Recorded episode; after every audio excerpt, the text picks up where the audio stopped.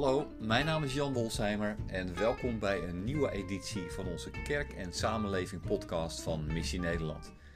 In deze editie zijn Remmelt Meijer en Peter Wieringa te gast om te praten over hun boek Herkerken over de toekomst van geloofsgemeenschappen als gevolg van de coronacrisis. Welkom allemaal en leuk dat je weer luistert. Uh, deze opname is als gevolg van de coronacrisis in een wat grotere ruimte opgenomen. Uh, we, we, hebben bij elkaar gezeten en dat is ook goed te horen. Uh, je merkt dat we een beetje het geluid hebben alsof we in een grote kathedraal staan. Excuses daarvoor.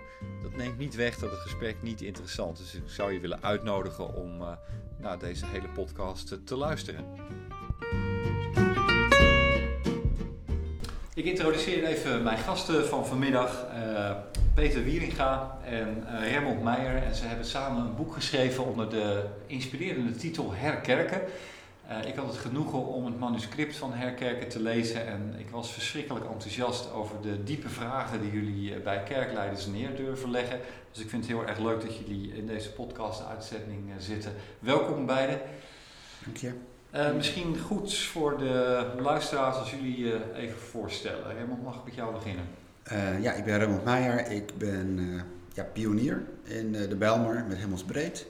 Kleine community tussen de Belmer flats en de huizen en weet ik wat. van eigenlijk mensen die niet meer naar de kerk gaan of gingen. En nou, dat groeit langzaam. En tegelijk ben ik kerkbegeleider en kom ik bij diverse kerken achter de voordeur om hen te helpen met processen, vaak rond uh, visie van waar willen we heen, waar staan we, wie zijn we en uh, missionaire vragen, discipelschap. En op die manier ben ik ook nog bij de Nederlandse Hoek betrokken. Ja, leuk. Leuk, dankjewel. Peter. Ja, Peter Wierega. Um, ik kom met name uit het onderwijs en de vernieuwing van het onderwijs. Dat was mijn oorspronkelijke achtergrond. Later ben ik de ontwikkelingshulp in de kerken ingerold. En met die inslag uh, probeer ik gemeentes te begeleiden. Dat is een van de kerntaken, gemeentebegeleiding. En dan met name op het gebied van ontwikkeling van nieuwe concepten en het bereiken van mensen die je niet uh, makkelijk kunt bereiken. Daarnaast ben ik ondernemer. Uh, en in het gemeentebegeleidende verhaal um, van de afgelopen, denk ik, twintig jaar kom je een heleboel situaties tegen uit allerlei kerken. En zo hebben we op een bepaald moment ook dat boek geschreven. Heel erg vanuit de praktijk en tegelijkertijd met de vragen die je op allerlei plekken hebt gesteld en die je eigenlijk opnieuw zou willen stellen. Hm. Ja. Wat me opviel is dat jullie het boek uh, heel snel, uh, terwijl we nog midden in een uh, pandemie zitten, op de markt wisten te brengen. Uh, en ik moet eerlijk zeggen dat ik het uh, erg goed vond, wat ik net ook al zei. En dat ik dacht van, jongen, dit is wel spannend. Uh, hoe kwam dat, Raymond, dat jullie dat zo snel hebben weten te schrijven? ja, daar hebben we onszelf ook afgevraagd. Het is te snel, want het waren ook wel de eerste reacties, zeg maar, toen wij dit tegen wat mensen zeiden, zachtjes van, hey, zullen we dit doen? is het niet te vroeg, werd er gezegd. maar wat wij zelf merkten, kijk, een deel van ons werk lag van de een op de andere dag stil. Eerste golf corona, maart, ja, ja. april. Um, dus daar kun je in ieder geval ook even nadenken. Uh, dus dat deden we, maar we merkten al snel in onze gesprekken dat uh, waar we het over hadden was eigenlijk precies hetzelfde als waar we het altijd al over hadden daarvoor. Alleen het was nu uh, sterker, het was heftiger, het was anders, maar het ging over dezelfde thema's. Dus wij zagen in, in de coronatijd dingen opduiken die heel zichtbaar waren, waar we voorheen zeg maar soms de handen niet voor op elkaar kregen. Van jongens, dit is er aan de hand. En dan knikten mensen wel. Maar je zag dat ze het niet helemaal pakten. En nu was het gewoon, lag het op straat, zeg maar, ja. het probleem. Dus, en toen hebben we gezegd, uh, wordt het dan niet, is dit, dit, niet het moment voor een stuk herbezinning? Uh, kerken liggen deels op hun gat en dat zou ook nog wel heel lang kunnen duren. Nou, daar hebben we redelijk gelijk in gekregen intussen. Uh, meer dan me lief is. Uh, maar zullen we die tijd dan eens gebruiken met elkaar om dit eens te gaan benoemen en dit met elkaar bewust te worden en de vragen te gaan stellen die we, die we eigenlijk al veel langer hadden moeten stellen? Ja, ja, ja. Ik noemde het net in het voorgesprek koninkrijksvragen in plaats van kerkvragen. Dus niet zozeer van hoe doe je de dingen, maar wat zit eronder datgene wat je zou willen doen. Peter, wat was voor jou de trigger om uh, aan dit boek mee te werken? Er waren er twee, denk ik. Het eerste was. Um in het halfjaar daarvoor hadden Tim Vreugdeheel Martijn Vellekoop Montekeuning en ik uh, gewerkt aan een trendreden waarin we missionaire trends proberen te duiden op basis van grotere maatschappelijke trends. Hm. Dat is uitgegeven in uh, januari 2020, dus twee maanden voor corona. Dus we zaten al diep in de problematiek van wat gebeurt er al jaren aan patronen waar kerken mee te maken hebben. Wat voor kansen en wat voor bedreigingen zijn dat. En dan komt corona en heel veel van die trends worden vergroot, versterkt. Um, en al bijna in de eerste twee maanden zie je de als eerste reactie, oh het gaat niet goed en we moeten vooral in stand houden wat we hebben en, en optuigen wat minder goed gaat. Terwijl wij elke keer hebben gedacht als ondernemers en als kerkbegeleiders, denk in kansen en niet in bedreigingen. Wat kan je nu wat je daarvoor niet kan? Of wat gebeurt er waar je nu gebruik van kan maken? En wij dachten, wij gaan een boek schrijven waarin we ook uittekenen dat dit een tijd is van bezinning en dat je kansen hebt om hier doorheen te kunnen gaan denken. Veel meer dan vroeger was daar ook een aanleiding voor. Ja, want is het niet te vroeg om over kansen te spreken als je nog rouwend bent over de dingen die je niet meer kunt? Eh, we begonnen te schrijven twee maanden in corona, maar we waren toen natuurlijk nog niet klaar met schrijven. Um, tegelijkertijd zijn we ook, Remmelt uh, en ik, allebei ondernemer. En je denkt ook vervolgens na over, uh, er gaat in, in, in de kerkelijke beweging, willen we heel graag dingen ondersteunen. Hmm. Er gaan dingen gebeuren. Kunnen wij bijdragen aan die beweging die pas over een drie, vier maanden, na de zomer wat ons betreft, gaat, van start gaat. Maar dan moeten wij wel in april beginnen met schrijven. Ja. Want een boek schrijven duurt twee, drie maanden. En dan moet het nog gepubliceerd. Dus als we het op de markt willen hebben in augustus, dan moeten we in april beginnen. Hm. En al schrijvend ontdek je dan vervolgens natuurlijk een heel aantal andere dingen. En als tweede hebben we onder, ondertussen ook de Quickscan Kerk en Corona ontwikkeld. Ja. Waardoor we bijna duizend reacties van verschillende kerken, verschillende kerkgenootschappen krijgen. Waardoor je ook gevoel krijgt voor wat er door de maanden na het begin van het schrijven allemaal nog wordt gezegd, geschreven, gedacht en gedaan. Ja, die data hebben jullie ook wel gebruikt in jullie boek, hè? Absoluut. Er komt uh, veel voorbij. Uh, Remmelt, had je dit boek kunnen schrijven als je zelf nog dominee was? Um, dat denk ik niet. Nee, ik sta natuurlijk nu met, met uh, één been erbuiten en met een ander been in de pionierswereld. Ja. Dus dat maakt wel mijn context. Het maakt ook dat ik überhaupt anders naar kerk ben gaan kijken. Um, dus ik, ik moet ook wel slikken als jij dan zegt, uh, zitten we nog niet in de rouw? Want die, die, die opmerking is vaak gemaakt de afgelopen maanden. Uh, en mijn eerste eigen gevoel, maar dat is echt privé, uh, dat is dan jongens, we kunnen nog jaren in de rouw zitten. Hmm. Get up, get alive. God roept ons tot andere dingen. Ja, maar tegelijkertijd zie ik ook allerlei preken ontstaan en die gaan over twee thema's. Exodus, de woestijnreis. En die passen we dan nu op onszelf toe, ja. alsof dit al de woestijnreis is. Dus, ja. En het tweede is ballingschap. Twee thema's die nu ontzettend veel bepreekt worden. Wat, wat vind je daarvan? Vind ik mooi. Ik heb zelf ook een ballingstekst genomen in, in onze pionierskring. Uh, want dat kan heel goed vragen uh, beantwoorden van, van waar sta je nu? zoek vrede voor de stad. Ja. Is, is zo'n ballingschapstekst, denk ik, nou, in hemelsnaam doe dit. Hmm. want God is aanwezig, ook als de kerkdienst omvalt. God is aanwezig, ook als onze structuren niet meer werken of tegen ons werken. Maar zoek God dan ook met elkaar. Uh, dus dat, dat is mijn, mijn, zeg maar mijn bijna heilig ongenoeg of mijn onrust van binnen. Dat ik denk, doen we goede dingen. En, en, en tegelijk vind ik dat je mag rouwen. En snap ik ook dat mensen die gehecht zijn aan bestaande kerkvormen... daar enorm moeite mee hebben dat het omvalt. Uh, voor mij is het anders. Deels snap ik het en deels snap ik het niet omdat ik pionier ben. En ik het al lang losgelaten heb. Maar ik ben het ook gaan loslaten. Niet omdat ik er zoveel zin in had... Maar omdat ik merkte dat het al veel eerder voor mij niet meer werkte en voor mijn omgeving vooral. Ik, ik, was een hele tevreden kerkganger ooit, een hele tevreden gemeentepredikant ooit.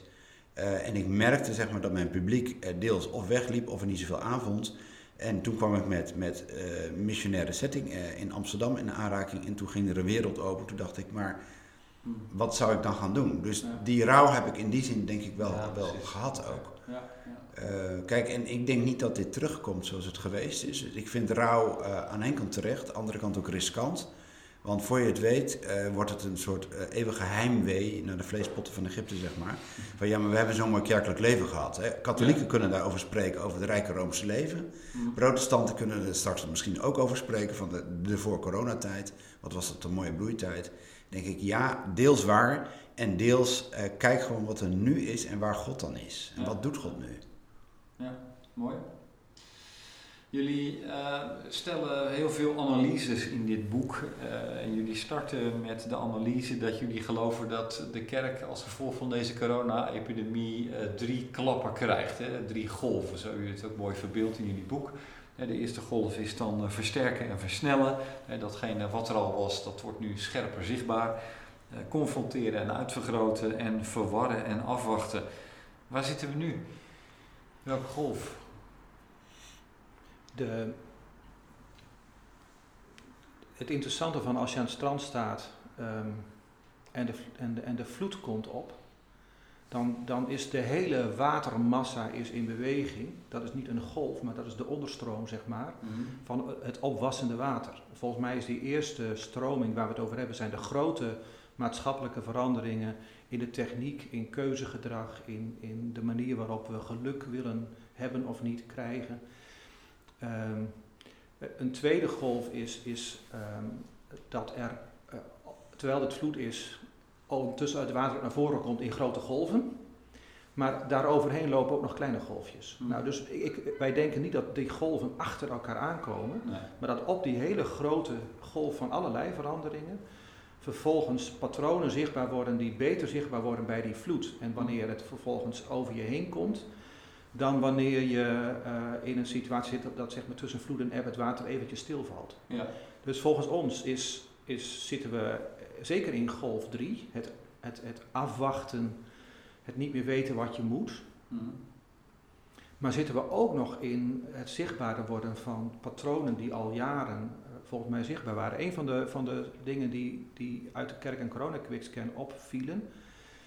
Um, de eerste gedaan, is gedaan in, uh, in mei en nu loopt er ook nog eentje. Als je dan kijkt naar het aantal invullers en het soort invullers, dan is al jaren bekend, dat is een grote stroom, dat uh, steeds minder twintigers en dertigers nog meedoen aan het kerkelijke leven. Ze vinden de manier van kerk zijn minder interessant, terwijl ze net zo uh, gelovig kunnen zijn als een oudere generatie. En wat ik nu merk in de Quicks en Kerk en Corona invullers, is dat het aantal mensen dat boven de 40 blijft invullen ongeveer constant is. Mm. Maar het aantal mensen onder de 40 dat invult heel rap afgenomen is tussen april en nu. Mm. Waar ze in april nog met nou, zeg maar bijna net zoveel mensen invulden als een oudere doelgroep, zie ik nu nog ongeveer vijf of zes jongeren onder de 35. En ja, vragen worden dan interessant. Hoe komt het nou precies? Mm. En wij geven in het boek niet zoveel antwoorden, hè, van het komt hierdoor of het komt daardoor. Wij zeggen heel vaak, weet je eigenlijk wel hoe dat komt? Hm. Heb je je afgevraagd waarom in jouw dorp of in jouw Phoenixwijk of in jouw stad uh, zo afhankelijk van welke gemeenschap het soms is, groepen uit lijken te vallen? Een van de mogelijke redenen kan zijn, is dat uh, um, heel veel mensen van 20 en 30 vanwege techniek en, en, en cultuur, YouTube en Netflix en keuze en alles wat er omheen loopt, gewend zijn geraakt om te zeggen, als ik kijk moet ik weten waar ik naar kijk. Mhm. Wanneer ik op mijn tijd kijk en het moet kwaliteit zijn. Dus, uh, en, en ik ga ook weer even binge kijken, eventjes de hele serie uh, seizoen 1 ga ik helemaal afkijken. Op mijn moment en als ik het, als ik het leuk vind. Ja, de Netflixisering van de kerk, zeg maar. Ja, maar het is ook gewoon het verlangen naar kwaliteit en naar jouw moment en mm. naar iets wat waarde is en relevant, relevantie heeft. En dat was een patroon van jaren. Ja, en nu gaat de kerk online en opeens gaan mensen datzelfde, twintigers gaan hetzelfde gedrag vertonen. We, we blijven gewoon kijken als we het interessant ja, vinden. Precies, ja. En ja, ik ben dan een beetje bot, maar heel veel kerkdiensten zijn gewoon een uur lang niet interessant. Als je kijkt. Ja, als je erbij bent is het wellicht anders. Als je bij bent is het compleet anders volgens mij. Dat is wel inderdaad wel het probleem. Je gaat nu echt kijken naar een, een serie of een, uh, een dienst online. En dat kunnen sommigen beter dan anderen. Dat, dat is eigenlijk een feit. Ja.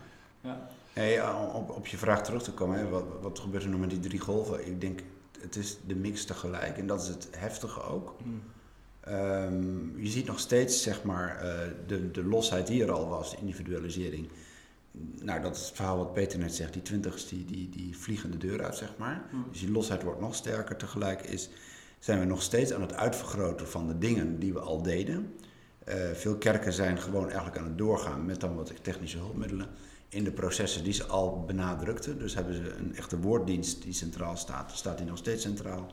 Heb je een worshipdienst, dan staat die eh, waarschijnlijk met heel goed camerawerk ook centraal. Mm. Gaat het richting Beam, zeg maar, of Mozaïek. dus mensen doen dingen heel goed die ze al deden en misschien nog wel iets beter. en tegelijk merk je dat, dat die uitvergroting ook laat zien dat andere dingen nog steeds niet gebeuren. En de verwarring die overblijft, nou, ik merk dat in gesprekken met predikanten en anderen, is, is er nog steeds. Het is wel zo, er treedt nu met de tweede golf wat vermoeiing op, vermoeidheid op. Van we zijn maar aan het streamen en aan heel veel werk aan het stoppen en die diensten ja. online uh, vinden we minder leuk. De spanning is er wat af. dus mensen zijn, worden daar een beetje moe van. De kijkers geven veel meer massaal toe dat ze eigenlijk wat afhaken of minder regelmatig kijken. Of een deel van de dienst kijken. Of later terugkijken. maar de verwarring, dat, dat is waar ik me meeste zorgen om maak. Uh, we zijn eigenlijk na negen maanden nog steeds in verwarring. Mm. Begrijpelijk, ja, maar, maar ook gewoon het, ja, het is wel link. Want uh, dit duurt nog wel even en het, het heeft al heel lang geduurd. Dus wat lopen we intussen mis en waar ben je dan als kerk op plekken waar je kunt zijn volgens mij en dingen die wel kunnen? Ja, ja. En die nog steeds niet gebeuren. Ja, en in plaats daarvan zijn kerken de dingen die ze al deden misschien beter gaan doen dan ooit, zeg je. Ja, dat is wat we uitvergroten ja. noemen. Ja. Ja. Als je een hele goede eh, woorddienst maakt met mooie muziek, dan ga je investeren in hele goede apparatuur en goede mm. camera uh, momenten, zodat de predikant zijn, zijn preek nog beter kan neerzetten. Misschien nog net iets korter en iets krachtiger. En de muziek moet ook heel mooi zijn, want dat was waar je goed in was en wat je vol wilt houden. Mm. Maar als die kerk ondertussen, en dat is een hele, hele interessante, uh, heel veel kerken merken dat er dus veel meer wordt gekeken door niet-leden naar diezelfde kerkdiensten, mm maar hun hele toonzetting is niet meer, is niet veranderd. Terwijl ze tegelijkertijd wel een ander publiek hebben gekregen, namelijk mensen bijvoorbeeld die niet geloven, die anders geloven, of waarvan ze niet weten wat ze geloven. Maar er klinkt geen oproep tot bekering, want die klonk daarvoor ook niet. Dus ze hebben wat ze deden, doen ze nog steeds. Ja. Maar ze hebben wel een heel ander publiek erbij gekregen. En daar houden ze nauwelijks rekening mee. Ja. Heel bijzonder vinden we dat. Ik, ik begrijp die beweging wel, hè, want uh, niemand weet hoe lang dit gaat duren. Ja. Natuurlijk allerlei zieners die zeggen, ja we gaan echt, we zitten in een liminale fase, we gaan uh, een overgangsfase naar een nieuw tijdperk. En dat kunnen we pas achteraf vertellen. Hè. Dat kunnen we nu nog niet zeggen eigenlijk, maar het lijkt er inderdaad wel heel erg op dat de hele wereld behoorlijk aan het veranderen is. Ja. Ehm, ik, ik zie jullie ook een pleidooi voeren voor vloeibaarheid en eenvoud. Uh, ja, dat lijkt me dat toch wel streamen, of niet? Dat, dat kan, dat vloeit ook alweer. maar nee, vloeibaarheid en eenvoud, um, dat, dat zijn eigenlijk twee dingen. Kijk, dat is eigenlijk uh, stappen uit de box. Uh, je zou de kerkdienst, de meeste muren zijn vrij vierkant natuurlijk in Nederland. Dus dat is bijna een box waar je in zit, maar ook qua systeem is dat een box. Hè. Zo moet de kerkdienst eruit zien. Dan kun je wat evangelisch of een wat gereformeerd of ander model kiezen. Maar dat is dan in de box waar je in functioneert. En de vloeibaarheid, het pleidooi van vloeibaarheid, uh, is, is stap eens uit die box en ga eens kijken of je dat kan opdelen in wat, wat minder vastliggende patronen. In minder vastliggende kerkvormen. Uh, zonder ook gelijk te zeggen dat de nieuwe vorm dan het is. want dan stap je eigenlijk van de ene box in de andere. Maar ga eens proberen bijvoorbeeld verschillende stijlen naast elkaar te laten staan. Laat dat eens wat vloeibaarder verlopen. En je hebt gemerkt dat kerken heel veel liturgische discussies hebben gevoerd. Ja. Heel veel, nou dat, dat, dat is begrijpelijk. De dooplepel. Ja, de dooplepel ja. was het hoogtepunt absoluut deze zomer. Ja. ik was compleet afgehaakt. Maar goed, anderen zaten er nog helemaal heerlijk in. Um, maar, maar ga eens los van dat soort vormen uh, ga eens nadenken hoe je een, een, buurtkerk kunt starten. Mensen doen dat en het, het, blijkt nog te werken ook.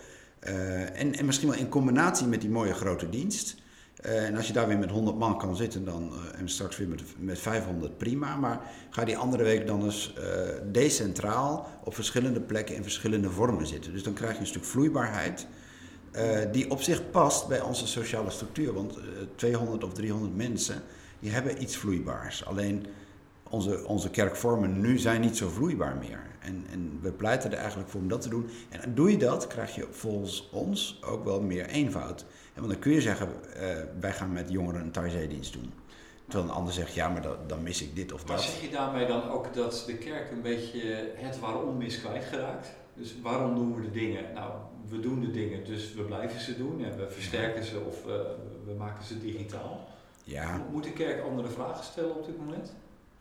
ik denk dat, dat, dat ons boek eindigt met een, uh, een, een hardgrondig pleidooi om terug te gaan naar niet hoe doen we de dingen, maar waarom doen we de dingen. En niet hoe doen we de dingen goed, maar wat zijn de goede dingen die we willen doen. Mm. En dat zijn kernvragen die, die, die je nu meer mag stellen dan vroeger, omdat de werkelijkheid wat is veranderd. Hè? En, en kernvragen is waarom bijvoorbeeld moet het evangelie klinken? En waar moet het evangelie klinken? En voor wie moet het evangelie klinken? De, de, de, in het boek zeggen we, we kijken vooral of het e-, evangelie streamend zo goed mogelijk kan klinken. Dat gaat over hoe, hoe goed mag het klinken. Maar wij zeggen, je zou je kunnen afvragen, moet het in een gebouw klinken? Moet het via de predikant klinken? Of kunnen jij en ik het allemaal? Um, voor wie klinkt dat dan? Alleen maar voor de luisteraars die altijd lid waren? Of klinkt het ook in een wereld die al lang veel minder van God kent en weet? En moet het vooral alleen maar het woord klinken of is woord ook daad geworden? En, en in hoeverre geef je handvatten aan wat je ook zegt?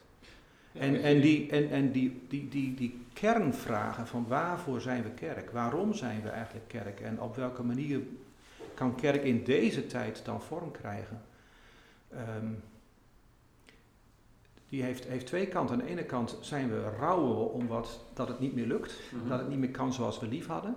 Aan de andere kant is het ook het moment om te zeggen, ja, we moeten straks weer iets opstarten. Kunnen we dat niet op een manier opstarten die uh, meer past bij waarom we de dingen willen? En wat is dan de kern volgens jullie? Want, want wat volgens veel kerken uh, toch wel heel belangrijk is, uh, het gebouw. Jullie zijn ook wel wat mhm. kritisch op het gebouw. Van moet dat nog wel zo'n belangrijke positie innemen? Ja. Uh, de ambten. Ja. Uh, moeten we minder ambtelijk zeg maar de zaak ook inrichten? ergens in het boek roepen jullie zelfs, moeten we niet 90% van onze activiteiten een keer stopzetten? Zijn hele stevige vragen. Wat is ja, dat nou? klopt, dat klopt. Maar wij, wij zijn, uh, ook als wij predikanten hierover spreken, het valt ons constant op dat we zijn zo druk, ook met de dingen die we doen, ja. Dat we er, er is geen ruimte voor reflectie om, omdat we te druk zijn. Mm. Dus dan krijg je het bekende verhaal van uh, je, moet, je moet je zaag scherpen. Ja, maar er is geen tijd voor, dus zagen we maar door met deze zaag. Nou, Dus doe je die tien keer zo lang over. Uh, het bekende verhaal van, uh, uit het uh, boek van Dinges. Steven Covey, was dit? Ja, Steven Covey. Uh, en dat zie ik nu met de kerk gebeuren. Dus, dus, dus zeggen wij, nou, als je nou eens 90% even niet doet, kijk, 80% kan toch al niet, maak er 90 van. Uh, en ga dan eens denken, wat moet er nou echt gebeuren? Wat zou je nou echt verlangen? Wat zou je de mensen wensen? Wat is evangelie? Mm. Bedoel, uh, Halik schreef een essay tijdens de eerste coronagolf die in, de, in trouw terecht kwam. Ja. ik vond hem geniaal. We hebben een ruime plek bemeten in ons tweede hoofdstuk over het gebouw. Ja. Van het gebouw en het evangelie. Nou, dat de vragen van Herliek, die, nou, ik zal niet zeggen dat ik ze elke dag in mijn hoofd heb zitten, maar die laten mij niet los. Wat, wat schreef hij? Nou, hij, dat hij de leegte van het gebouw is exemplarisch voor de leegte van ons geloof?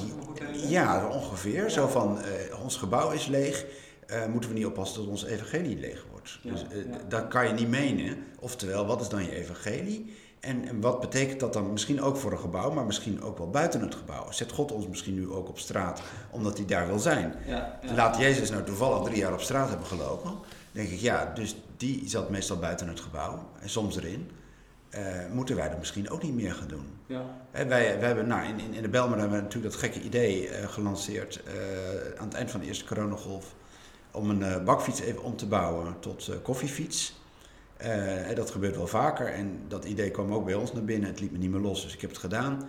En, en ik merkte wat voor omslag het gaf op dat moment dat je tegen elkaar zegt: joh, kunnen er één of twee mensen eh, met koffie de straat op? Nou, mijn eerste gedachte: iedereen ziet je aankomen, niemand wil dit. Je hebt zulke mooie ontmoetingen, tranen in de ogen bij mensen. Waarom doe je dit? Ik zeg: ja, het is coronatijd. Iedereen baalt. We hebben anderhalve meter. We willen een beetje blijdschap brengen. Ja. En dan heb je een gesprek met iedereen. En dan denk ik, dat is voor mij een stukje evangelie. Maar het is wel out of mijn comfortzone. Want ik ben niet zo'n straattype eigenlijk. Uh, maar het verandert mij, het doet me wat. En ik zie andere mensen. En vervolgens komen mensen uh, op zondag bij ons weer terug die bij die bakfiets geweest zijn. Dus het brengt ook weer iets nieuws op gang. Uh, ik denk, nou, is maar een heel klein voorbeeld. En toch gebeurt er iets. Dus dat, nou, dat, dat is wel durf je dingen los te laten en nieuwe dingen te proberen. vanuit een heel sterk waarom. Van waarom doe ik het? En, nou, die essentie zit hem ergens in dat evangelie en de Jezus volgen voor mij. En niet in een kerksysteem op, op, op, op, op stoom houden. Nee, eh, er wordt veel versterkt. Ik herken heel veel van jullie kritiek. Uh, en, en, ik weet niet of wij kritiek geven hoor. Nou ja, in elk geval, jullie, jullie durven de vinger ergens op te leggen wat toch wel een beetje zeer doet. dus dus uh, bepaalde naar binnen gerichtheid van de kerk, focus op, op het eigene, het gebouw, de preek, ja. dat soort dingen. Ehm, en, en, ik deel dat, ik herken dat. Eh, maar wat ook in deze tijd heel erg versterkt wordt, is de kritiek op dit soort opmerkingen. Hè? Dus, dus eh, tijdens de, de, de, periode van de pionierskerken was natuurlijk al vaak uh, het gevoel van ja, doen wij het dan niet goed? En laten we eens even terugkijken, we doen dit al bijna 2000 jaar zo, dus het kan gewoon niet mis zijn. En dat, dat hoor ik nu ook een beetje. Dat ik denk van ja, laten we het gewoon uitzingen en wachten en het komt weer goed. Ik, ik, ik, het mhm. interessante is dat zolang je geen corona had, kerken uh, weinig in beweging zijn gekomen um, rond een van de belangrijke opdrachten van Christus zelf. Uh, ga erop uit. Hmm. Uh, maak mensen tot mijn discipelen. verkondig dat evangelie. En als ze, als, ze, als ze discipel zijn geworden, leer ze dan ook die geboden te onderhouden. Een hele, hele uitgaande beweging en iets anders van doe iedereen goed. En ook, ook je eigen mensen, die mm. in gelaten. Die, die, die hele, hele grote rijkwijde van God en Gods liefde voor deze hele wereld, waarin de kerk een plek mag krijgen, hè? God en Gods missie en daarom kerk, om God te, leren, God te dienen en om ja, Gods missie mee te werken, dat is al jarenlang een van de lastige punten voor heel veel kerken. We zijn veel meer naar binnen gericht dan naar buiten. Mm. En welk kerklid dat je ook vraagt, zal niet zeggen, uh, dat is niet waar. Behalve bijvoorbeeld het leger des heils. Mm. Omdat het daardoor in het DNA is verwerkt. Ja. Aan de andere kant kun je zeggen, nu valt er zoveel stil. Het ja maar, ik moet uit mijn leunstoel komen. Weet je, iedereen is door corona stilgezet en die leunstoel is er niet meer. Dus het geeft allerlei kansen om dan te denken, oké, als we dan toch anders moeten, onze comfortzone zitten we niet meer in. Mm. Het, het, en tegelijkertijd, dat, je hebt gelijk, er zijn heel veel mensen die zeggen, ja maar, ik verlang toch liever terug naar wat ik had, naar mijn luie stoel. Ja, ja jullie halen Jos uh, Dauma ook aan. Ja. We kennen hem allemaal een prachtige kerel met uh, ontzettend veel uh, hart voor de kerk. Mm -hmm. Ik moest toch ook wel een beetje glimlachen toen hij uiteindelijk toch alweer bij de preek uitkwam als heel belangrijk. ja, is, is dat nou onvermogen of is dat nou. Ah, volgens, mij zit, zit hier, volgens mij zit hier domweg een protestantse en misschien ook evangelische um, draai in het uitleg van het evangelie. Hmm. Leg eens uit. Um, in een interview met, uh, met iemand uit de gereformeerde gemeente die zegt, maar Peter, het evangelie moet ook verkondigd worden. Ja. Toen zei ik, maar dat betekent dat jullie gemeente daarom dus online diensten nu uitzendt, in de gereformeerde gemeente, online of hmm. YouTube, hmm. diensten uitzet, want het evangelie moet verkondigd worden. Ja, zegt ze, dat moet toch. Ik zeg, ja, maar wat staat er dan in die tekst? Het gaat over mensen die Christus niet kennen en aan hen moet het evangelie worden verkondigd. Ze kennen hem namelijk nog niet. Mhm. En dan zalig de voeten die dus op die manier ook gezonden zijn. Hè? Zo, staat het in de, in de Bijbel. Dus verkondiging is volgens mij het evangelie brengen naar mensen die God niet kennen. Ja. Maar de twist van de protestanten, al, al in de reformatorische tijd, is geweest, denk ik, uh, zeker vanaf 1600, het verkondiging van het evangelie klinkt op zondag in de preek. Mm. Ja, weet je, daar zit volgens mij een soort, soort uh, foutje in, in de, de, de, de wiring van veel theologen. Dat ze denken dat verkondiging, wat in het Grieks het brengen van het evangelie is, gelijk staat met het uitleggen van de Bijbel aan mensen die het al kenden. Mm. Ja. Wat onderwijs is. Mm. Eh, en ik maak duidelijk onderscheid tussen verkondiging en onderwijs. Mm. En eh, de nadruk op de preek wordt vaak dus eh, verankerd in een van die hele weinige teksten die, die goed uitkomt. Terwijl ondertussen, en en dat beschrijven we ook in het boek met een heel aantal voorbeelden, er al zoveel mensen behoorlijk zat zijn van ehm, op die ene zondag in het ene half uur op die ene manier te moeten luisteren naar de uitleg van de Bijbel, terwijl je die zelf kan lezen, Ja. met anderen kunt lezen en op allerlei plekken die, v- de voeding eh, die je nodig hebt kunt halen. Mm. Ja, dat zien we vooral aan de, de, de huidige generatie jongeren, hè? de twintigers. Die, Ja. Twintigers, dertigers, veertigers. Ja, er zijn meer, zoveel vormen van verkondiging of van evangelie, eh, vertolking of onderwijs, op welke kant je ook op wil. Maar ehm, ik, ik hou zelf best van preken. Ik ben wel heel kort gaan preken voor mijn doen. In een pioniersetting, een kwartier eh, max. Oké. Ehm, we zitten in een café-setting. Nou, dan vind ik echt de rest eh, over, overrated. Als je dat doet, werkt niet. Nee. En we hebben altijd gesprekken na. Dat is bij ons ook wel veranderd. Maar eh, afgezien daarvan, eh, we doen een podcast. eh, we, we, hebben in kleine kring dingen. En ik zou zeggen, als, als predikant van preken houden, leer dan een, in hemelsnaam anderen ook eens spreken. Mm. Eh, en, en vijf minuten preekjes heb ik zondagavond nog gehouden. In een LHBT-café wat we hebben van Weide, met Weidekerk. Nou, daar zit de zaal vol met twintig LHBT'ers die eh, in hun eigen kerk geen plek hebben en die, die zoeken elkaar op. Mm. En ik mag daar iets zeggen en ik doe dat vijf minuten. Eh, en, en dan hebben we een viering en dan hebben we andere elementen, een gesprek.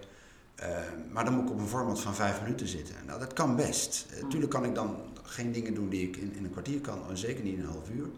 Maar leer, als we elkaar dat nou eens leren, dat meer mensen op meer plekken meer vormen van evangelie, uitleg en openleggen aangeleerd krijgen en, en anderen dat kunnen aanreiken en het elkaar erin meenemen. Volgens mij is dat ook evangelieverkondiging. Dus die preek zou ik heel graag willen, maar dan in zeg maar 10 of 20 vormen. Ja, Ja, want daar zit, daar zit iets anders achter, denk ik, wat ook speelt. Het is ook heel oneerlijk om van predikanten elke zondag opnieuw een TED-talk kwaliteit te verwachten. Maar Mhm. ondertussen doen we het met elkaar wel, hè? Ja, ja, ja. Ze doen dit niet goed genoeg, ze doen dat niet goed genoeg. Ze Mhm. moeten korter, ze moeten dieper, ze moeten beter, ze moeten bezielender, ze moeten inspirerender. Als je als predikant op dit moment moet preken, lijkt me dat zo buitengewoon ingewikkeld. Terwijl je weet dat bijvoorbeeld iemand die een TED-talk mag houden, mag dat één keer in het half jaar of het jaar doen. Je Want flinke tijd om die, voor te die bereiden. kwaliteit Ja, ja, om dat te halen, om het voor te bereiden, om, Ja. het, om het te oefenen. Man, ga er maar aan staan. En wij Ja. verwachten dat een predikant dat elke zondag en zondag en zondag weer Ja. eh, op TED-talk niveau kan doen. Ik, ik, het is ook oneerlijk. Ja. Maar, nog erger, het is niet nodig. Nee, en dat was natuurlijk ook iets wat voor corona speelde. Hè? Dus Ja. de, de worsteling van de voorganger om elke week weer een soort peak performance eh, Ja, te leveren. Want je bent zo lang houdbaar als je laatste preek, zei ik wel eens. Ja. Hè, dat, eh, Ja. dat- Jij wel, Jan. Ja. Ik wel, maar... maar eh, dat is wel uitdagend. Eh, Ik, ik merk dat voorgangers nu vooral worstelen. Kijk, die streaming staat wel en er is ergens wel een Mhm. modus gevonden van hoe je met je gemeenschap en met je preken enzovoort eh, zeg maar uit de Ja. voeten kunt. Klopt. Maar wat predikanten vooral moeilijk vinden, merk ik, is van hoe kun je nou je gemeenschap bouwen in een tijd van contactarmoede. Waarin je eigenlijk, zeker, we hebben vanavond een persconferentie, eh, dan hopen we dat we weer wat meer mogen van onze minister-president. Maar eh, echt grote groepen bij elkaar, eh, uitgebreide contacten, eh, dat is moeilijk. Wat zou jullie advies zijn aan deze mannen en vrouwen? Ehm, ja, nou, ik zou zeggen, aan de ene kant, wees niet de braafste jongetje van de klas. Want dat gevoel heb ik wel eens bij kerken. Ze, ze doen het zo braaf mogelijk, alle interpretaties, wat er mag en niet mag. Eh, maar kleine groepen, en zeker als je buiten bent en eh, als je met hele mini-groepjes bent, kan dat heel veel. Wij eten nog met, met 20, 25 mensen op zondag. Ehm, dat mag ook gewoon. Een religieuze samenkomst en het gaat prima. Eh, wij eten met hele kleine groepen en nu inderdaad met twee mensen die uitgenodigd worden, dus eet je met z'n vieren. Ehm, maar je kunt wandelen met elkaar. Wij, wij doen wandelingen twee aan twee. Eh, maar als dat weer losgelaten wordt, dan nemen we die, uh, die koffiekar weer mee en dan zetten we die in het park en dan komen we allemaal af en toe koffie halen en met groepjes van drie, vier. Je hebt de mooiste gesprekken, je kunt gebedswandelingen houden. Um, we hebben appgroepjes, uh, we hebben morgenavond nog even een, een Zoom-meeting met twee groepen.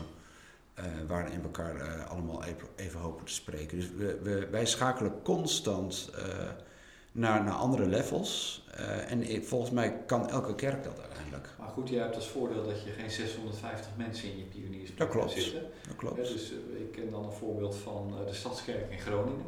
Die hebben volgens mij uh, eh, 50 groepen van 50 mensen ja. voordat we opnieuw in een soort halve lockdown gingen georganiseerd. dat vond ik eigenlijk heel knap van zo'n kerk. Want dat is toch een typische podiumkerk in je beleving. Die heeft zichzelf in kleinere groepen ingedeeld en een hele structuur neergelegd. Dat was ongelooflijk veel werk. Ja. En dus als je meer mensen hebt, dan heb je natuurlijk qua organisatie nog wel je handen vol. Ja, dat is interessant, maar je hebt ook veel meer handen. De, de, een andere kerk in Groningen heeft uh, basisgroepen ingesteld. Um, Wat zijn basisgroepen? Dat zijn een soort kringen plus. Um, het is minder vrijblijvend als kringen. Je kunt niet wel of niet lid zijn. Je bent lid van een basisgroep. Uh, en um, dat vergt een aantal dingen. En ze gaan vooral veel meer inzetten op de basisgroep coördinatoren en leiders ook erg permanent toerusten. Het klinkt een beetje stom, maar verwennen.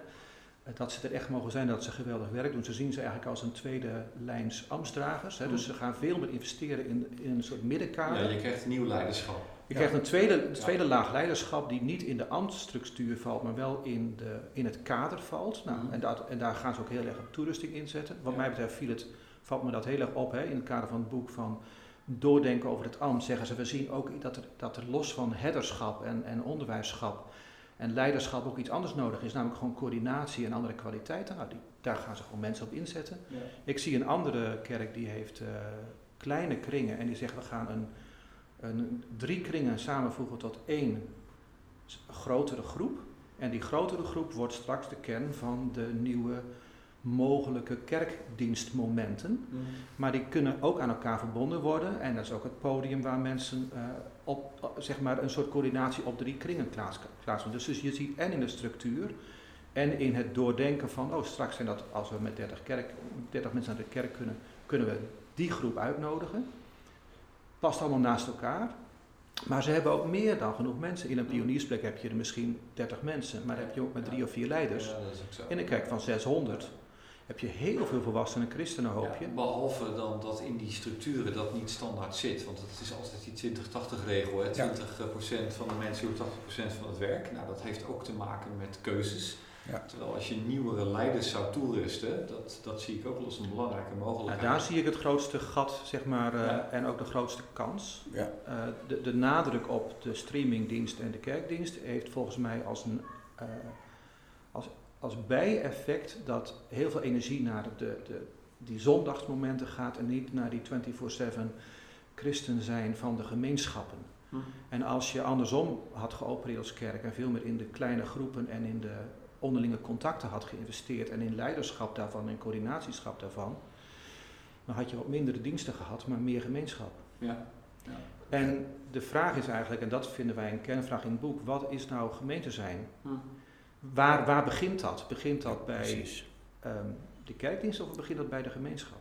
Ja. ja. En uit de pioniersbeweging en uit, uit alles waar kerk ontstaat en ook bij twintigers en dertigers vorm krijgt, is het, begint het op relatie. Relatie met God en relatie met elkaar. Ja. En daarop groeit discipelschap. Ja. Ja. En dat discipelschap begint niet doordat jij een goede preek hebt gehad of een goed onderwijs hebt gehad. Het begint bij relatie en, en dat, dat vind ik zelf het heftige. Eh, we zijn allemaal gepokte gemazeld met Bijbelteksten als 1 Korinthe 12 of Romeinen 12, de kerk als lichaam van Christus. Uh, dat is in ieder geval bij mij al, al sinds mijn vroege jeugd ingegoten. En tegelijk uh, de bekende hand en de bekende voet, uh, en Jezus als het hoofd. Uh, intussen zijn we enorm los geworden en, en uh, is ons organiserend principe een event, namelijk een kerkdienst. Waar ik nog steeds echt niet vies van ben en niet op tegen. Hm. En dat denken mensen wel eens als ze het boek lezen, van je mag niet meer preken, je mag niet meer naar de kerk. Nee, dat is mijn punt niet, of ons punt niet, maar, maar het begint bij de community. Ik, even één verhaal te vertellen. Uh, ik hoorde vanochtend nog een verhaal eh, dat, dat eh, heel veel gemeenteleden het ook wel even best vinden. Dus die, die zitten gewoon lekker thuis, zeg maar. Uh, noodgedwongen dat wel, maar die, die vinden het allemaal even prima. En het ging over een middelgrote kerk. Ja. afgelopen zondag hadden wij zondagcafé, zo noemen wij onze zondagse samenkomst. En daar was een Surinaamse vrouw na, ik denk, acht weken voor het eerst weer. En ze had bakken bana, meegenomen, bakken sorry, gebakken banaan. Uh, waarom? Ze zegt, ik heb me al die weken zo gedragen gevoeld, zo opgenomen, zoals net nieuw lid is. Wow. Uh, en ik sprak even met mijn vrouw, ja, ik heb ook elke week contact met haar. Ze was ook langs geweest, ze heeft zelf corona gehad en die vrouw had corona, dus dat bond ook weer. Hmm. Maar ze komt terug en ze was dolblij dat ze er weer was. De hoofdpijn, de knellende hoofdpijn was eindelijk weg. En ze zit daar te glimmen van genoegen en trakteert op gebakken banaan. Dan denk ik, ja, die is het helemaal niet zat en die zegt niet laat mij maar thuis, want ik heb nog lichte hoofdpijn. Die moest nog werken tot, tot 11 uur, die kwam iets te laat binnen, want die had, zit in de zorg. Om, om tien over elf komt ze binnenlopen en trakteert ze. Hmm. Denk, ja, dus, dus op het moment dat de nou, relatie de basis... is. want ik bedoel, relatie. Jan, Jan uiteindelijk zien we pioniersplekken tot een, een, een groep of dertig hebben van corona geen last. Want hun, hun kerk gaat door, hun gemeenschap is sterk. Huiskerken hebben nauwelijks last, helemaal niet zelfs. Die zijn eerder nog gaan kijken naar hun buurt. Het opvallende is, ook een kerk die in het boek staat genoemd, een kleine kerk van nog geen 60 mensen, heeft eigenlijk heel weinig moeite, want die gemeenschap is sterk.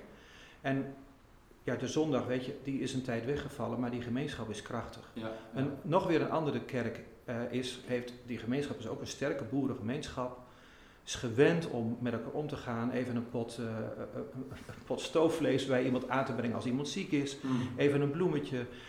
Die gemeenschap loopt vanzelf bijna. Dat is niet waar natuurlijk, maar ze, ze, ze, ze drijft op liefde van onderling. Ja, ja. En als er dan uh, de mogelijkheid is om kerkdienst te doen, dan zegt ze, nou dat kan dan wel in het weiland.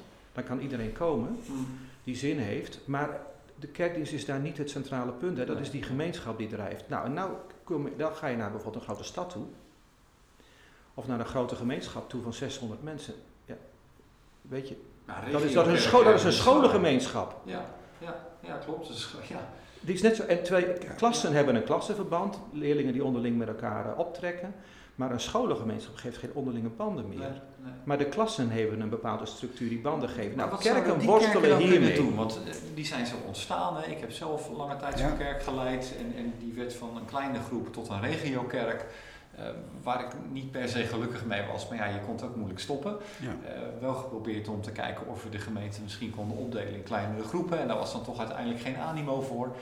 En dan merk je eigenlijk dat je te verspreid, ook al geografisch bent. En dat het ongelooflijk lastig is om in deze tijd vorm te geven aan je gemeenschap zijn. Behalve dan uh, in je videostream te laten zien hoe het met gezin die en die gaat. En dat wordt overigens meest bekeken in die stream. Ja, uh, dat geloof niet eens te preek. Dat geloof Dat mensen echt willen weten van hoe gaat het met elkaar. Ja, de, nieuws, de nieuwsbrief ja. en die stukjes van de dienst die de gemeenschap laten zien, dat zijn de twee grote connectoren van de grote gemeenschappen. Ja. Hm. Komt uit alle onderzoek. Ja, dat geloof ik nou ja, mensen hebben behoefte aan verbinding, aan relatie. Dus je merkt nu ook dat de roep om samenhang en om, om relatie wordt sterker. Dus eh, dat halen ze dan naar de stream. Uh, terecht, denk ik. Ja. Dus, dus ik zou ook voor een regiokerk op zoek gaan. Wat zijn de mogelijkheden om dan decentraal in die regio uh, verbindingen te leggen. Ja. En natuurlijk ook aan dat grote geheel. Ik snap dat je ook samen kerk wilt zijn. maar dat ligt er waarschijnlijk al. Maar zorg dan voor verbinding op die lagere niveaus. Dus breek het open, ga meer bottom-up werken. Hmm. Maar de, de, het zijn eigenlijk twee, twee dingen. Een, een tijdje terug zeg jij we zitten te kijken wat we weer mogen van de minister. Mhm. Ehm, dat woord wat mogen wij is een soort, het eigenaarschap ligt kennelijk bij de overheid en wij gaan in de ruimte die de overheid geeft, mogen we dan zelf ook wat. En in de mhm. kerk en corona wordt heel vaak, uh, quiz, uh, wordt heel vaak gezegd, we wachten tot de kerkenraad wat organiseert. Mhm. De, de grootste problematiek volgens mij die in kerken hierin speelt, is niet hoe organiseert de kerkleiding de dingen, maar wie is eigenlijk eigenaar van het gemeente zijn. Ja, En op het moment dat je denkt dat is de predikant of de kerkenraad die het organiseert dat, of de overheid die maakt de afspraken en wij moeten ons daar weer aan houden, hmm. dan ben je niet zelf eigenaar van je gedrag en van je christen zijn. Nee. En je kunt er ook voor kiezen Maar we hebben natuurlijk ook helemaal geen, geen publiek gecreëerd wat gewend is om eigenaarschap We te hebben dragen. geen christenen geholpen om meer eigenaar te zijn van Nee. hun eigen en gezamenlijke christelijk geloof. Nee, dus, dus je was recensent. Wat vond je van de preek? Nou, ik Ja. vond die van vorige week beter. Ja, en dat- goede dat- band, nou, en, en, Ja, heerlijke dat- aanbidding. en als je recensent was live, van, van live diensten, dan word je met, als je het gaat kijken, dan word je niet eens meer recensent, maar dan word je kritiekaster. Ja, ja, Ja. ja, ja, dus, Ja, we dus- zijn veel te consum, consumtief geworden. Dat, dat is denk ik de, de overal houding waar we tegenaan lopen. En die al heel oud is. Eh, daar lopen we al jaren tegenaan. En dat, dat horen we ook constant terug. Van eh, christenen en consumenten geworden. En, en hoe word je nu van consument participant? ja. Eh, of zelfs misschien producent. Mhm. Eh, je kunt namelijk dingen bedenken. Hè. Maar ieder mens heeft waarde. Ja, kerk voor de maker, zeg maar. Ja. Ja, dat schrijven jullie ook. Dat, Ja, eh, en de beweging van onderaf Ja. en de kerk van de makers en, en de broedplaatsen van liefde zijn wat ons betreft sleutelwoorden. Ja, het zijn Ja. veel actievere eh, instellingen. Maar dan moet je mensen ruimte geven. En moet je helder hebben waarom je de dingen doet. Hm. Want anders, anders gaat het niet samen. Want je gaat of het weer controleren omdat je het beter weet dan je Ja. mensen. Maar op het moment dat iedereen weet wat je DNA is en waarom je dingen doet, kan ook dingen loslaten. Hm. Eh, ik bedoel, in- in mijn pioniersplek heb ik net mijn, mijn eh, junior collega gevraagd. Bedenk iets voor de twintigers. Ze is zelf twintiger. En het is tot nu toe bij ons geen doelgroep geweest, maar de ene twintiger naar de ander komt nu binnen. Ja. Nou, ik besef heel goed dat onze vormen wel heel hip en leuk en simpel en weet ik wat zijn. Maar dat dat nog niet betekent voor de twintigers dat het alles is. Dus heb ik zoiets, ik ga ze ruimte geven, bedenk iets en ik ben er niet bij in ieder geval. Want ik ben een vijftiger, dus ik ga het feestje niet vergallen. Maar geef ze ruimte, ontwikkel iets. Dit is het DNA, doe er iets mee. En dat kan echt, hebben in het boek staan zeker eh, tien voorbeelden van gewone kerken, geen pioniersplekken, gewone huistuin- en keukenkerken zou ik maar zeggen, in een Phoenixwijk of in een stad of in een dorp, die die, die beweging van onderaf, waar mensen zelf weer eigenaar worden van wat het kerk zijn is, Hm. ook meemaken. Maar dat vergt dat, dat je als leiding een stap terug doet en niet gaat organiseren, maar faciliteren. En dat gemeenteleden in dat gat willen stappen, Hm. waarin ze zeggen wij zijn mede-eigenaar van wat er nog moet gaan ontwikkeld worden. Ja. En het interessante is, als je helpt met het ontwikkelen, word je ook eigenaar. Als het voor je bedacht wordt, Hm. sorry, maar dan ben je consument en geen eigenaar Nee. geworden. Dus, dus wij merken dat veel kerken inderdaad gewend zijn aan. Eigenlijk is ons systeem erop gericht om consument te blijven of te worden. Als ik jullie zo hoor, dan En dat is vinden we heel jammer. Ja, zeker. Want als ik jullie zo hoor, denk ik van dit is ook een prachtige kans voor de kerk om hier veel sterker uit te komen, om maar even Ja. een clichés-zin eh, er doorheen te gooien. Ja, Ja. is het ook. Nou ja, wat, wat dacht iedereen toen China op slot ging destijds met IJzeren Gordijn? Hm. Eh, daar bleef niks van de kerk over. En toen die het IJzeren Gordijn weer weggeschoven werd, bleek dat het echt prima ging. Sterker nog, dat het beter ging. Beter. Toen hadden we de huiskerken. En Ja. voor mij tot op de dag van vandaag in grote delen van China. Eh, dat is mijn, mijn droom zeg maar, voor de kerk in Nederland en in West-Europa. Dat we hier uiteindelijk veel sterker uitkomen. En dan zal het er denk ik, eh, zonder glazen bol en dat soort ideeën, maar denk ik wel totaal anders uitzien Ja. dan nu. Ja, en dat is niet erg, want Nee. uiteindelijk is datgene wat de kerk is, gaat verder dan een preek, een Ja. ambt en, eh, en een gebouw. Ja. Hoewel die niet per se waardeloos zijn, maar die gaan zich weer op een andere manier eh, organiseren en Nee. verhouden. Een van de leuke en bijzondere reacties is dat, dat eh, op sommige mensen heel boos zijn op het boek, omdat wij volgens hen schrijven dat de preek niks is, dat de kerkdienst niks is, dat. De, het ambt niks is. Maar dat zeggen wij helemaal niet. Nee. We zeggen de definiëring en, en vorm waarin het nu vaak eh, praktijk krijgt, die moeten we opnieuw doordenken Hm. om te bekijken wat is dan het ambt, wat is dan verkondiging en, en, en onderwijs. Eh, hoe, hoe, hoe, hoe krijgt gemeente vorm? En ik, ik zat erover te denken, je, rijdt net die, eh, je hoort net die ambulance voorbij gaan. Hè? Mhm. Eh, er komt iemand uit huis, die gaat nu naar het ziekenhuis toe. Kun jij voorspellen hoe, het, hoe, hoe die persoon die we niet precies kennen straks uit het ziekenhuis weggaat? Dat weten we gewoon niet. Dat geldt zelfs als voor corona. We hebben Mm. geen idee hoe het over een half jaar de kerken veranderd zullen zijn. Of ze veranderd zijn en hoe. Misschien was er iemand in de ambulance die weer naar huis gaat en er was niks. Het kan ook zijn dat hij is overleden. Hm. Het kan ook zijn dat hij een beenamputatie krijgt en dat hij opnieuw moet leren lopen. Nou, wij doen weinig uitspraken in het boek over wat gebeurt er na corona. Maar wat we zeggen is, de kans dat de kerk verandert, zou wel heel erg aangegrepen moeten worden. Hmm. Want het was voor veel mensen ook wel nodig. Ja. Ja. Hij was te veel naar binnen gericht. Hij was te weinig eigenaar van de vele gemeenteleden. Dus we moeten opnieuw leren lopen. Ja, en vandaar ook herkerken, hè, dat jullie ook toch die term kerken wel inhouden. Hè? Ja, dus, zeker. ja, ja. Absoluut. Ja. En dat valt me inderdaad ook op in jullie boek, hoewel jullie met eh, chirurgische precisie eh, zeg maar aangeven eh, waar de snijvlakken liggen, om het zo maar te zeggen. Mhm. Zijn jullie ook niet negatief over de kerk. Hè? Dus dat vind ik ook het knappe. Eh, Er zijn heel veel pioniersboeken geschreven in de afgelopen decennia die ik ook wel veel gelezen heb. Waarvan ik dacht, van, ja, dat was wel een tegenovermodel. Ja. Ja, daar breng je weinig mee, behalve dan dat iedereen zich eh, ja, wat meer ingraaft in, eh, in, in daar waar die zit. Dus ik vind het een zeer hoopvol boek. Jullie sluiten af met jullie boek met, eh, met, met de belangrijkste tip misschien wel, heb lief. En daar hebben jullie dan eh, nou ja, zeven antwoorden op eh, die in die zin nog zelf helemaal uitgedacht moeten, moeten worden. Want jullie leveren geen afgebakken taart af, hè. jullie leveren ingrediënten volgens mij. Ja. Zie je kerken al een beetje die kant op bewegen? Zijn er kerken die dit wat meer proeven en die zeggen: Oké, we weten inderdaad niet wat er, met dat voorbeeld van die ambulance, hoe dat eruit gaat zien. Maar we gaan wel vast anticiperen op een nieuwe tijd, wat het dan ook wordt. Maar we moeten veranderen. Ehm, nou ja, en, en ik, ik doe eh, wel wat ook missionaire begeleiding in, met groepen in kerken die missionair denken. Die zijn nu wel zover. Dat zijn kleinere groepen binnen de bestaande gemeente. Eh, en die willen gewoon, omdat ze een missionair begeleidingstraject doen, ergens uitkomen. En die beseffen nu, we moeten de straat op, het is advent. Ja. Eh, welk licht gaan we verspreiden? Welke actie gaan we doen?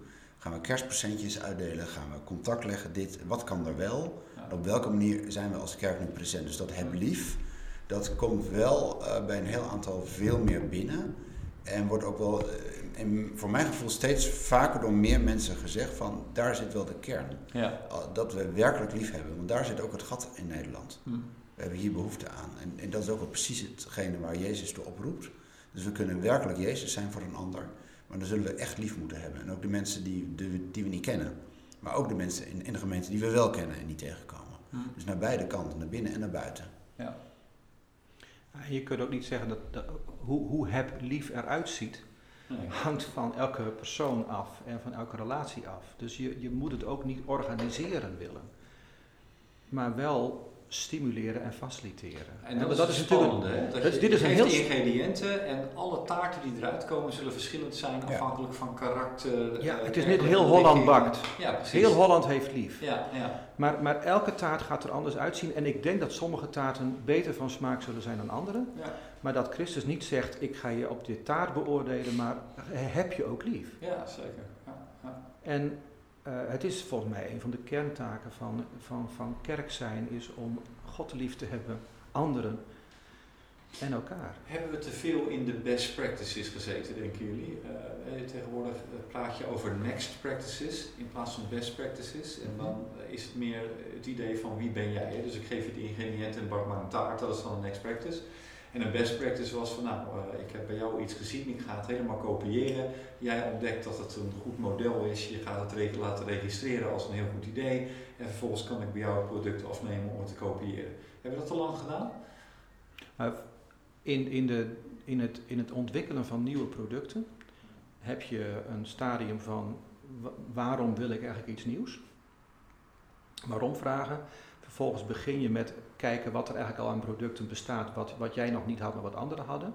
En vervolgens ga je denken, kan ik ook nog iets nieuws ontwikkelen? Dus het kopiëren van een taart is vaak stap 1 om te leren taart bakken. Hm. Vervolgens is een kookboek waarin je zegt, dit zijn recepten.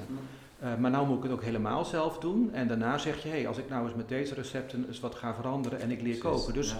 een leercurve is niet uh, van 0 naar, naar 100, maar dat begint met kijken wat anderen hebben gedaan, wat ook slim te kopiëren is, maar op je eigen manier. Hm. En vervolgens zeggen, hé, hey, maar kan ik dit ook uh, recyclen op een nieuwe manier? Ja, mooi Ja. Ja. Maar ja, en, en daar komt wel bij dat eh, we zitten in een periode eh, waarin eigenlijk nieuwe dingen nodig zijn.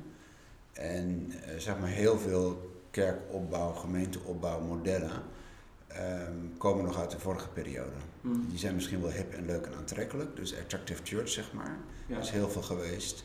Terwijl wat we nu nodig hebben, eh, is denk ik vooral al uitgeprobeerd in pionierskringen. En dat is niet voor iedereen fijn, want niet iedereen is een pionier. Maar toch uh, roepen wij, denk ik, in ons boek de bestaande kerk wel op meer inderdaad naar next practices te gaan. Van kijk eens wat pioniers proberen, kun je dat op jullie manier dan ook proberen? En dan zal het misschien wel ietsje minder ver gaan of, of uh, out of the box zijn dan in pioniersituaties. Maar ook de bestaande kerk moet eraan geloven om nieuwe dingen te gaan doen. En, nee, nee, niet moet er aangeloven, uh, Remmel, die moet erin willen geloven. Prima. Nee, kijk, op het moment dat je denkt, wij zijn slachtoffer van de corona.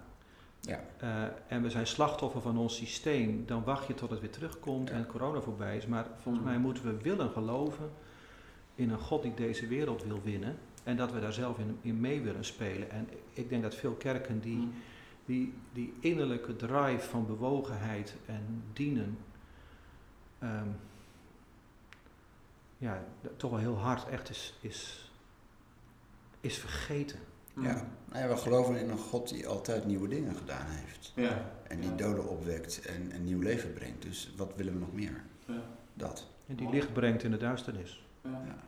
Kerst.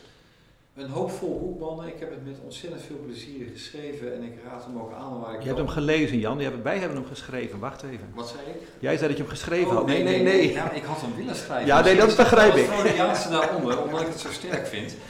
Uh, nee, het is echt heel goed geschreven, vind ik. Het is uh, ook niet een dikke pil van 900 pagina's, dus je, je kunt hem relatief snel lezen, maar uh, het boek laat veel vragen bij je achter waar je gewoon zelf mee verder moet mm -hmm. of kan. Mm -hmm. uh, dat maakt het spannend. Uh, ik kan me wel voorstellen dat ik, als ik in een kerkraad zou zitten of voorganger zou zijn, dat ik denk van ja jongens, ik heb een beetje hulp nodig.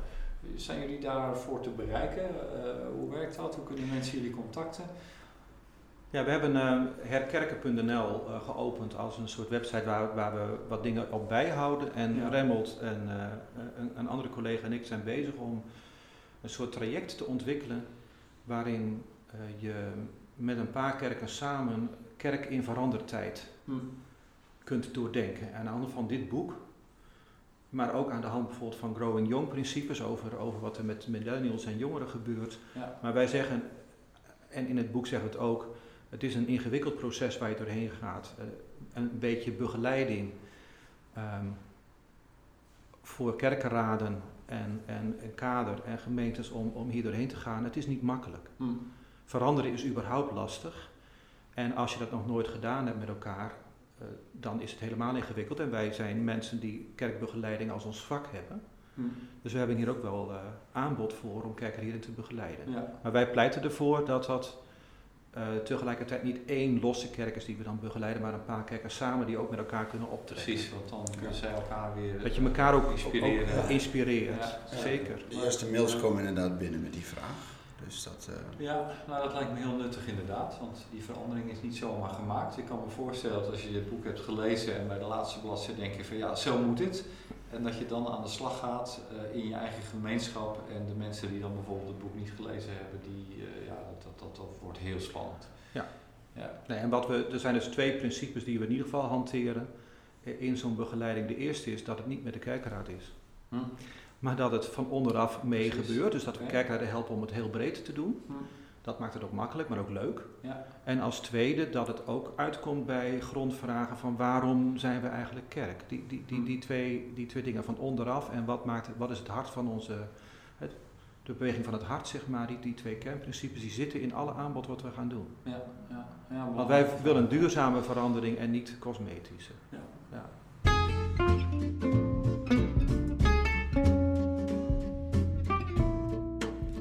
Ja, dat is het einde van het gesprek tussen mijzelf, Peter en Remmelt over het inspirerende en boeiende boek Herkerken, wat zij kort geleden uh, op de markt hebben gebracht. Als je naar de website www.herkerken.nl gaat, dan kun je daar het boek bestellen. Kan ook bij een reguliere boekhandel. En je kunt meer informatie vinden over hoe je Peter en Remmelt uh, kunt bereiken om hen eventueel te consulteren voor een proces uh, in jouw kerkelijke gemeenschap. Ik wil je hartelijk danken voor het luisteren en ik hoop tot een volgende keer.